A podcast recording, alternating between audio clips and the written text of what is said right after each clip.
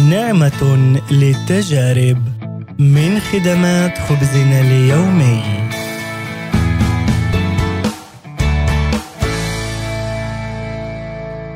أصيبت آني جونسون بالشلل بسبب مرض التهاب المفاصل الحاد بعد سنوات قليلة من المدرسة الثانوية.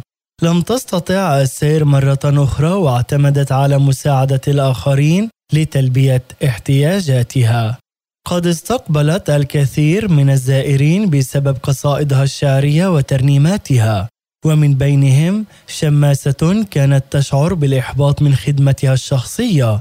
وعندما عادت الشماسة إلى بيتها كتبت إلى اني تتساءل عن سبب سماح الله بأن تحدث لها هذه الأشياء الصعبة في حياتها. ردت اني عليها بقصيدة شعرية قائلة لم يعد الله بسماء زرقاء خالية من الغيوم دائما ولا بطرق مفروشة بالورود طوال حياتنا. لقد عرفت من تجربتها أن المعاناة تحدث غالبا لكن ذلك الإله الذي لن يتخلى عنها ابدا هو عن أحبائه. بل هو الذي وعد بأن يعطي نعمة في التجارب ومعونة من فوق رحمة دائمة ومحبة لا تموت. ربما تعرف تلك القصيدة من ترنيمة ما وعد الله به. كما جاء في الكتاب المقدس بعد معاناة موسى أيضا عندما واجه الصراعات لكنه عرف أن معه حضور الله.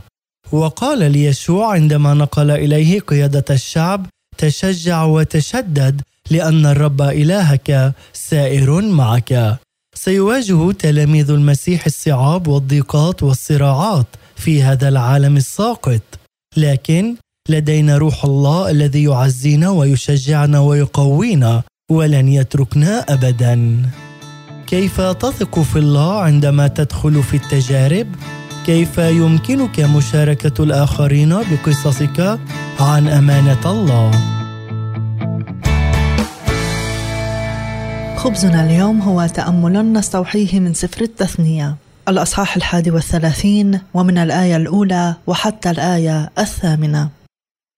ومضى موسى يقول لبني إسرائيل أنا اليوم قد بلغت من العمر مئة وعشرين سنة وصرت عاجزا عن قيادتكم وقد قال الرب لي لن تعبر هذا الأردن ولكن الرب إلهكم عابر أمامكم وهو يبيد تلك الأمم من قدامكم فترثونهم. وسيكون يشوع قائدكم كما وعد الرب. سيصنع الرب بهم كما صنع بسيحون وعوج ملكي الأموريين وبأرضهما وأبادهما. فمتى أخضعهم الرب لكم فافعلوا بهم بموجب جميع الوصايا التي آمركم بها. تقووا وتشجعوا لا تخشوهم ولا تزجعوا منهم. لأن الرب إلهكم سائر معكم لا يهملكم ولا يترككم. فاستدعى موسى يشوع وقال له أمام جميع إسرائيل تقوى وتشجع لأنك أنت ماض مع هذا الشعب إلى الأرض التي حلف الرب لآبائهم أن يهبها لهم وأنت توزعها عليهم. هو ذا الرب يتقدمك هو يكون معك لا يهملك ولا يتركك لذلك لا تخف ولا ترتعب. آمين. كان هذا هو خبزنا اليوم وهو تأمل مقتطف من سفر التثنية. الأصحاح الحادي والثلاثين ومن الآية الأولى وحتى الآية الثامنة. لنصلي.